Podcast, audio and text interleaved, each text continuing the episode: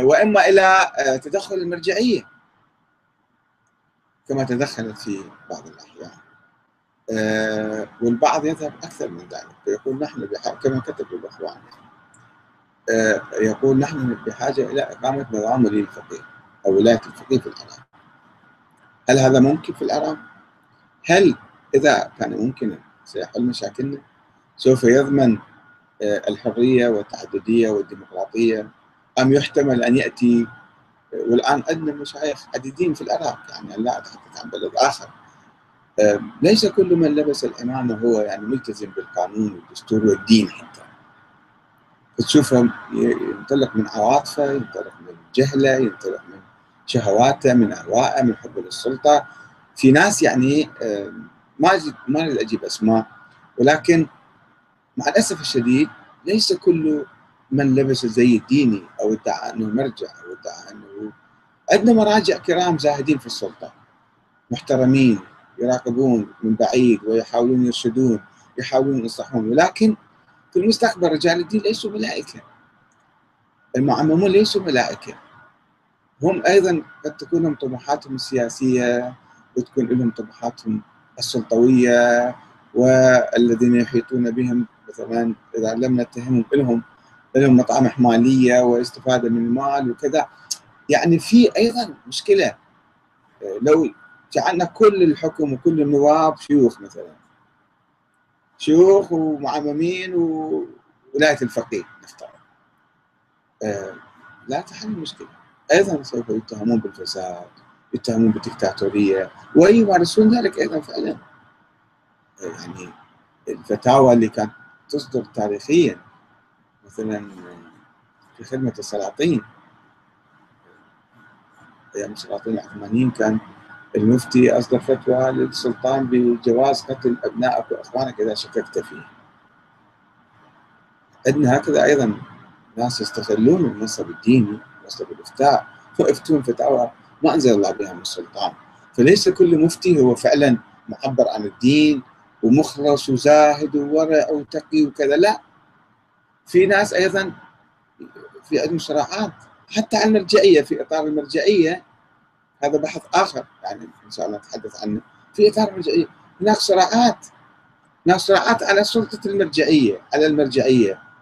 في ضرب في تفسيق وتكفير واتهامات أي واحد يتكلم كلمة يسقطوه كذا. فاذا مجتمع الحوزات أو مجتمع المشايخ أو مجتمع المرجعية ليس مجتمع ملائكي وبالتالي المشكلة سوف تبقى.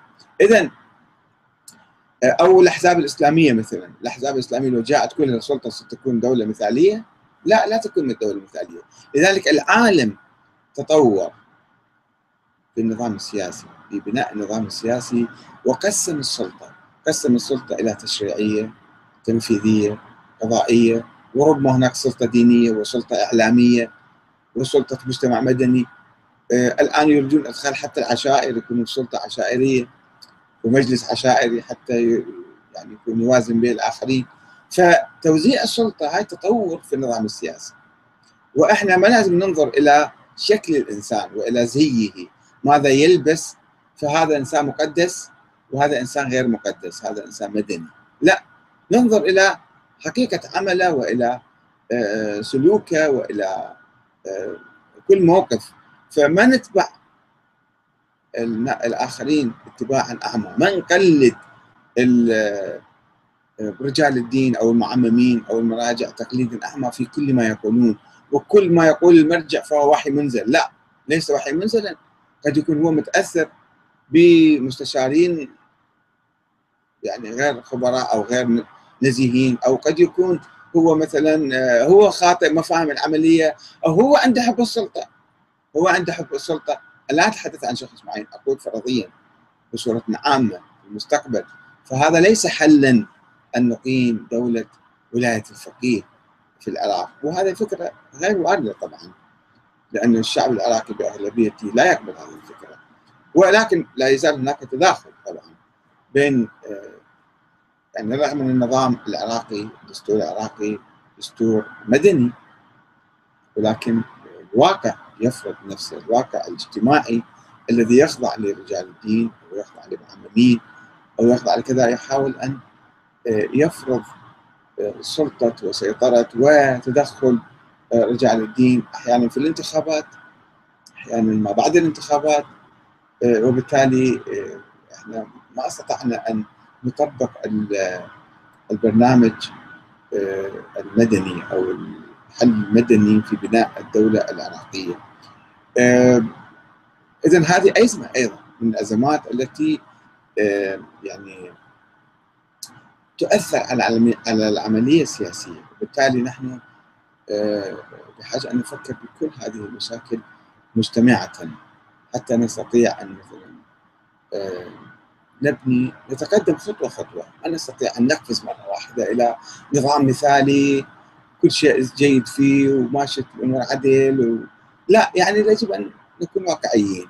نحاول ان أن نتقدم شيئا فشيئا خطوة خطوه ونبني ونصلح باللين بالتي أحسن بالسلم. استخدام العنف استخدام الألفاظ العنيفة حتى الكراهية تبث الكراهية والحقد والبغضاء وإثارة الفتنة دائما. هذا أيضا خطأ. يجب ان إذا حدثت مشكلة بين أخوين أن نصلح بيناتهم.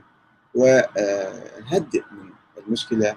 ويعني إن شاء الله كل الجميع نياتهم مخلصه و يهدفون إلى الإصلاح ولكن قد ينفعلون أحيانا أو قد تحصل بعض القرارات الخاطئة نحتاج إلى اصلاحها بهدوء.